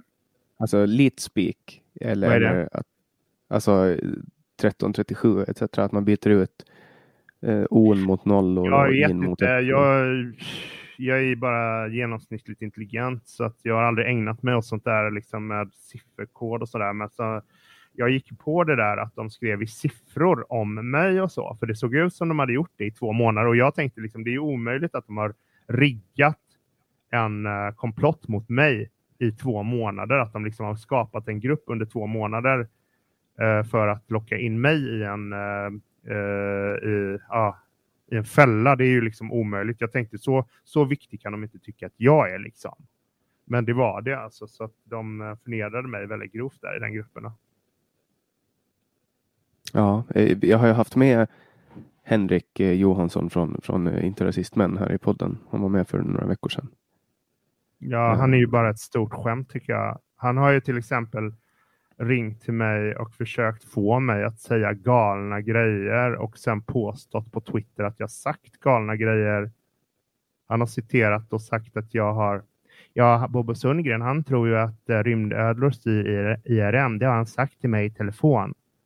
Men eh, det har jag inte. Och Tobias Törnblom som grundade Hatklubben varnade mig innan att eh, om du ska prata med Henrik Johansson så tänk då på att han alltid spelar in samtalen. Så tänk på att inte säga för knäppa grejer. Så allt som jag sa var, var att jaha, varför säger du så? Liksom, för han började snacka om att men du vet väl att det, det finns ett stort intresse bakom IRM, att eh, det, CIA är ju inblandade vet du, och sådär. Och eh, jag bara skrattade, men jaha, vad, varför säger du så? Liksom, var, vart vill du komma och så vidare. Och uh, sen så ljög han ändå om det telefonsamtalet. Så jag tycker att han är totalt tvivelaktig och uh, att han då har makt och att IRM har fått pris till och med för sin verksamhet från uh, den här kommittén mot antisemitism och så där. Det tycker jag är, ja, jag tycker bara det är, är jättetragiskt att han har inflytande. Han har ju säkert det här samtalet i sin helhet inspelat som du säger. Så, och där, ja, då, där då ligger, han gärna publicera det. Mm, där ligger säkert sanningen. Han, han är ju inte här och kan, kan, kan förklara sammanhanget nu, men han kan säkert göra det på Twitter eller Facebook i efterhand om han känner att han vill komma till tals. Jag kommer även att Tycker bara jag att han honom. göra. Jag har ju nämnt det i min bok och jag har ju exponerat inte rasismen i min bok också och alla eh, de här konspirationerna i eh, trollgruppen Dumma och eh, Henrik Johansson får gärna kommentera det. Han har inte kommenterat boken överhuvudtaget vad jag vet. Mm. Ja, det, vi ska se. Jag ska kontakta honom så får han möjligheten att uttala sig och kanske dra sig in i en, en debatt. Eh, och debatter gillar vi. Det är, debatter är grunden i det demokratiska samhället. Diskussioner och samtal. Debatter. Eh, all, all form av kommunikation och, och utbyte på det Jag han kommunikativa är, planet. jag tycker att han är en grundläggande oseriös person. Helt enkelt. Ja, jag, jag, kan inte, jag kan inte uttala mig mer än att jag har träffat honom eh, i podden eh, och haft lite kontakt med honom på internet och jag tycker han verkar trevlig. Det är, alltså, som Jo. person. Det är många som Men jag kan liksom inte uttala mig om, om vad jag tycker om honom. eh, för att jag har kanske inte världens bästa, eller jag har ingen uppfattning på det sättet mer än att jag, jag lyssnar på hans podd och tycker att den är underhållande. Mm, men det var ju många lyssnat? eh, Ted Bundy var underhållande och han kunde ju förföra kvinnor eh, för att man tyckte att han var så trevlig också. Guilt by association. ja. Eh, är det någonting annat du känner att vi behöver prata om? Vi har ju lite, lite tid kvar, cirka 15 minuter ungefär. Nej, jag tror att du har dykt i det mesta faktiskt. Mm. Och då, då vill jag ju undersöka möjligheten att eh, lotta ut en av dina böcker till de som väljer att bli Patreons till den här podden. Vad tror du om det? Det låter väl som en utmärkt idé. Så till alla som väljer att bli Patreons eh, efter det här avsnittet så kommer vi att lotta ut en bok. Eh, blir det bara en Patreon så kommer det bara att bli en bok och det här får gälla fram till den 29 maj 2000, nej, det är den 31 maj 2020. Så hela maj 2020, alla nya Patreons är med och deltar i utlottningen av en bok. Eh, och lottningen kommer att förrättas genom någon form av uh, utomstående part som får uh, randomisera ut ett namn av alla nya. Ett, ett litet nytt grepp jag hade med Aron Flam hade, hade vi lite Patreon exklusivt material. Det här får bli det Patreon exklusiva materialet den här gången. Jag signerar gärna boken och skickar den till den som vill. Ja, det låter jättebra. Och, uh, jag tänker vi har ju lite tid lite tid kvar att fylla. Eh, jag vill inte att vi, att vi lämnar en podd som inte... Målet är att de ska närma sig två timmar och min förhoppning var ju att, att du på frågan om det finns någonting annat vi bör prata om känner att det finns någonting annat vi bör prata om. Så nu får du komma jag på någonting. Berätta, jag kan ju berätta vad eh, jag... Kom ihåg att prata nära mikrofonen också. För jag kan ju berätta vad eh, jag har för projekt framför mig och uh, vad jag kommer skriva för bok nu. Och uh, det lutar ju åt att jag ska skriva en bok om Jimmy Åkesson. Är det en uh, bok med hans medverkan eller utan hans medverkan? Det blir ju med största sannolikhet utan hans medverkan, men med medverkan från flera väldigt initierade interna källor från SD. Hur har du kontakt med de här källorna? Ja, det tänker jag inte uttala mig om, men eh, de, eh, det handlar om före detta riksdagsledamöter och det handlar om eh, personer från SDs innersta cirkel helt enkelt. Hur har du kommit i kontakt med, med just den här kretsen? Jag tänker om, om du tar avstånd från Sverigedemokraterna. Ja, jag tänker inte säga hur jag kommit i kontakt med dem, men jag har ju jag fick upp ögonen för det här när jag lyssnade på en podcast som heter Lögnernas tempel med Kristoffer eh, Dulny och eh, Pavel Gamov. Och eh, de har i sin tur kontakt med många personer som är eh, oberoende av varandra och säger samma sak om att eh, Jimmy Åkesson har kontaktat dem med sex sexuella inviter då, under tiden han var sambo med Louise Eriksson. Upplever du de här två poddarna som, som trovärdiga? Då? Ja, men jag ska säga vad jag tycker eh, är det intressanta för allmänheten med det och det är att uh, det finns indikationer på att Jimmy Åkesson har använt uh, löften om inflytande eller uh, sin ställning och uh, väckt hopp om att ge ökad status och ökad makt inom SD mot uh, sex i utbyte. Då. Och, om det är sant, vilket jag inte säger att det är, men om det är sant vilket de säger att det är i den podcasten. Om det är sant, då är det ju allvarligt och då är det ju någonting som ska granskas och som allmänheten behöver känna till. För det är en så pass viktig eh, politisk makthavare. Det är ju, eh, han är ju på något sätt oppositionens ledare i alla fall. Mm. Hur långt gången är du i det här projektet då? Nej, jag har bara börjat snacka med uh, vissa personer och tittat på de här olika sakerna och sådär. Så att uh, vi får väl se. Vi får se vad jag kan frilägga för tid. Vi får se om det är någon som är intresserad av att ge ut boken. Och uh, vi får väl se hur vi ska hantera det juridiskt också. Och vad formen ska vara. Men jag kan även tänka mig att ta in en psykolog precis som jag gjorde i boken om mig själv och uh, granska Jimmy Åkessons barndom också. För att jag tycker att den är väldigt intressant för hur han har format sina ställningstaganden. Och om det nu är så att han har levt ett dubbelliv med uh, hårt fästande som också uh, de här källorna säger. Att han har levt ett dubbelliv med hårt fästande och kvinnor vid sidan av.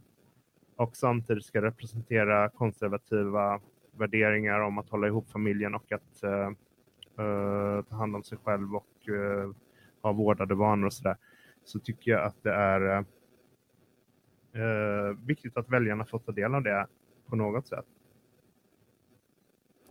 För jag tänker att det man gör på, på fritiden bör ju rimligtvis hållas till fritiden om det inte är att det handlar om någonting olagligt som till exempel sexköp eller, eller liknande. Men jag har inte påstått att det handlar om någonting olagligt. Men jag påstår att det handlar om någonting som har uh, politiska konsekvenser. För att uh, om uh, man får fördelar i ett parti och ökat inflytande i ett parti för att man har sex med makthavarna eller för att man har sex med ledarna i, i partiet. Då kringgår man demokratins spelregler och det kallas ju jäv och det är också eh, någonting som förgiftar hela partiet och det skapar också en ökad otrygghet. Alltså det är, en, eh, det är ett hot mot säkerheten både i partiet och det är också ett, det är en dörr som står öppen för infiltration. Det är en dörr som står öppen för spionage och det kan också Då vara... måste man ju, alltså ur mitt perspektiv så är det så jävla enkelt. Man tar bort det här systemet och så lägger man till ett bättre system med personval. För att alltså i, i, Sverige så har man ju valt att ha ett system där riksdagspartierna lägger upp listor eller partierna lägger upp listor och så fördelas mandaten enligt nummerordning, fall, fallande ordning. Och då kommer man ju att få ett sånt här system. Alltså jag tror, jag tror att, att folk kommer ju att göra allt inom alla partier för att få jag vet jättemycket. Jag har ju hållit på med nordisk politik i tio år och, och har mycket kontakter inom eh, nordiska kretsar och vet att i alla länder i Norden så, så pågår det sådana här grejer. Men det land som det kanske pågår minst i, det är väl Finland. För att där, där blir du invald på, nu, nu, vet ju inte jag om det är så att det är minst, men, men jag har en närmare mm. anknytning till Finland. Ja. Där, där röstar man på en politiker. Ja, och, och, då, det, och då, då, ja. då, då det, du kan inte ligga med alla väljare. Nej. Du men kan ligga jag, med alla i valberedningen. Om jag till exempel skulle bli politiker, då skulle jag ju verkligen vilja ha det på det sättet att eh, det var uh, omröstningar, att det liksom inte är en nämnd som sitter och väljer vilka som ska finnas på listan, utan att det är helt fritt eh, för vem som helst att marknadsföra sig själv och att sen personvalet handlar om att eh, den som får flest kryss av alla som har marknadsfört sig själva eh, kommer helt enkelt att få stolen. Så tycker jag, jag att det skulle vara. Då tackar jag jättemycket Bobo Sundgren för att du kom hit och var med i podcasten Samtal. Ännu ett eh, samtal inspelat över internet och till alla er där ute som har lyssnat. Jag hoppas att ni har haft lika trevligt som jag denna Eh, tisdag som jag spelar in det precis dagen innan förrän det ska släppas. Um, om det är så att ni har några gäster som ni önskar att jag ska ha med så kan ni gå in på min hemsida www.samtal.ax och där kan ni anonymt tipsa om folk ni vill att ska vara med i podden. Ni kan också kontakta mig på Facebook eller på telefon. Det finns ett swishnummer på hemsidan och även i avsnittets beskrivning om det är någon, om ni vill diskutera någonting eller, eller vad, vad vi än har, vad ni än har på hjärtat. Och som jag, jag och Bobo konstaterade tidigare, tidigare så kommer eh, alla som blir Patreons före eh, slutet på maj, sista maj 2020 kommer att vara med om utlottningen av Bobo Sundgrens bok. Nu låter det här lite som marknadsföring, men jag kan garantera er att det här inte är marknadsföring. Det här är ett samtal precis som alla andra samtal. Nu råkar bara Bobo vara eh, aktuell med den här boken och på det sättet så finns det ingen, inget samarbete, inget betalt samarbete utan Bobo är en gäst som alla andra. Men jag inser själv när jag låter ut en bok att det låter som att vi har någon form av eh, samarbete, vilket vi inte har. Eh, men som sagt, alla nya Patreons före den sista maj kommer att vara med i utlottningen av en bok. Jag, så, så, blev jag ett av Sveriges värsta nättroll. Eh, I övrigt så får ni väldigt gärna swisha mig eller skicka pengar på Paypal just för att täcka upp kostnaderna för det här eh, ganska dyra systemet som jag har tagit in nu för att klara av att fortsätta med podden även trots att vi ligger i ett undantagstillstånd som förhoppningsvis snart är över. Eh, information hittar ni i poddens beskrivning var ni nu än lyssnar. Ni hittar det också på hemsidan eh, och ni hittar det även också på Facebook-sidan eh, podcasten Samtal, samtal.ax. Producent för det här samtalet var Didrik Svan. Jag heter Jannik Svensson och du har lyssnat på podcasten Samtal.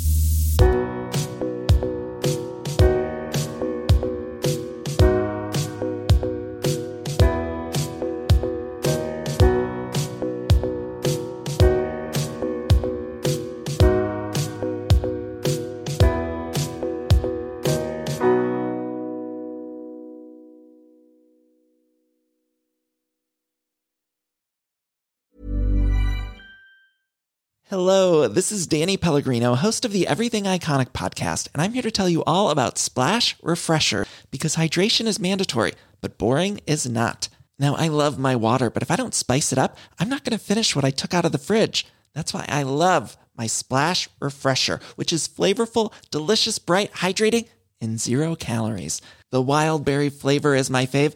No, wait, is the pineapple mango flavor my fave? You know what? All five craveable Splash Refresher flavors are my fave because they're so delicious. So get hydrated and enjoy it with Splash Refresher.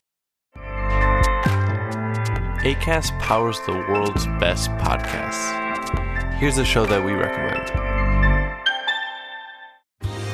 Are you a reality TV junkie? Do you ever think, dang, I wish I had someone to talk to about all the trash TV that I watch? Well, look no further, garbage lover, because Reality Gaze is a podcast for you. Hello, I'm Maddie. And I'm Poodle, and we're the Reality Gaze. We talk about all your favorite unscripted shows like The Golden Bachelor, Love is Blind, and TLC's big, messy behemoth 90 Day Fiancé. And if you're driving to work, folding laundry, or just pretending to listen to your husband talk about sports, just put on the pod, and you've instantly got two gay besties spilling all the tea and reading these people for filth. So come at us, y'all. Find Reality Gaze wherever you listen to podcasts.